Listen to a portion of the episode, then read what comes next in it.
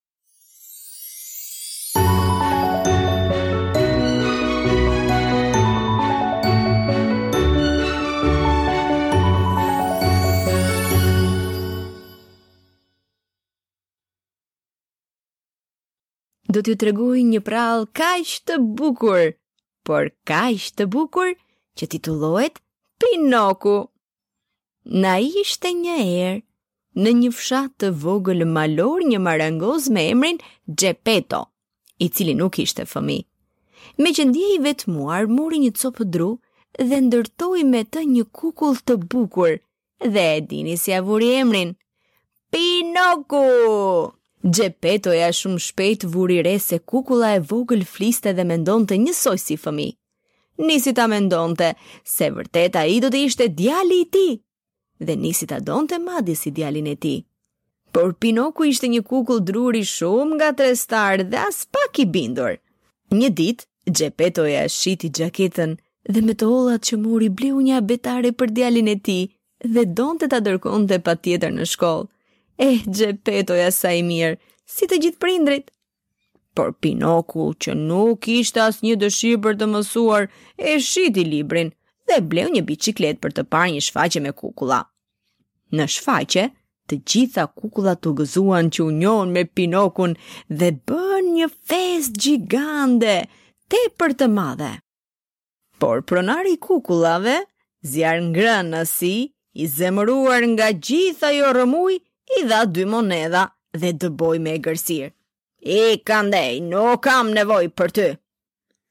Rrugës së kthimit, Pinoku u takua me maçokun dhe dhelprën, dy mashtrues të mëdhenj.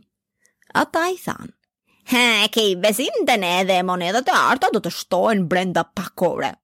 Duhet vetëm t'i mbjellësh në këtë fushë dhe pas pak do të mbijë një pemë plot e përplot me monedha. Do të bëhesh i pasur. Ndërkohë që priste Pinokun e zuri gjumi. Kur u zgjua, e pa veten të lidhur në një pemë dhe vuri re se monedhat ishin zhdukur. O i gjori unë më grabitën! thirri. Por zana kaltëroshe e çliroi dhe e çoi në një vend të sigurt, për të parë nëse ishte apo jo i çiltër, i kërkoi shpjegime për monedhat. Por Pinoku nisi t'i tregonte një thes me gënjeshtra dhe hunda nisi t'i zgjatej e t'i zgjatej jashtë mase. Zana kaltëroshe e donte shumë dhe vendosi ta falte, duke i thënë se do t'i jepte edhe një mundësi tjetër. E bindi të kthehej tek Xhepetoja dhe t'i premtonte atij që do të shkonte menjëherë në shkollë. Por Pinoku përsëri nuk u bind. Shoku i tij, Fitili, i mbushi mendjen që ishin më të mirë se shokët e tjerë. Prandaj duhet të shkonin në vendin e lodrave, ku të gjithë fëmijët zbaviteshin pa dijeninë e prindërve. Hmm, jo mirë kështu Pinok. Por atje, Edhe ata përfunduan si gjithë fëmijët e tjerë, u shndëruan në gomarë dhe i hodhën në det. Pinoku po luftonte me dallgët e mëdha të detit gjatë stuhisë, kur e gëlltiti një balenë. Sa u habit kur në barkun e balenës, Pinoku gjeti Xhepeton, Po, Xhepeton e tij!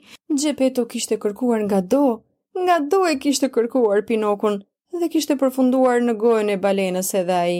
Kur teshtiu balena, Pinoku dhe Xhepetoja dolën përsëri në det të hapur. Më në fund ishin të lirë. Pinoku e ndihmoi babain të dilin në breg dhe të shpëtonin. Kishte ardhur koha të nisnin një jetë të re. Këtë herë Pinoku e nxori mësimin, gjeti abetaren e vjetër dhe u kthye në shkollë, i bindur të sillej mirë dhe të mos dëgjonte shokët e këqinj. Në ëndërr, gjatë natës, Pinokut iu shfaq përsëri zana kaltëroshe. U tregove i zoti dhe i mësove nga gabimet, tani që u bëre djalë i mbarë, do të jap dhuratën më të madhe. do bëhesh fëmijë prej vërteti, si gjithë të tjerët. Pinoku nuk po besonte syve nga gëzimi, kur vështrohej në pasqyrë dhe prekej, ishte prej, prej mishi, ishte fëmijë, ishte bërë vërtet fëmijë. Vrapoi të zgjonte Xhepeton, i cili nuk i mbajti dot lotët nga lumturia, dhe që nga ajo ditë, nuk u ndanë më kurrë. Bravo, Pinok, i kuptove gabimet.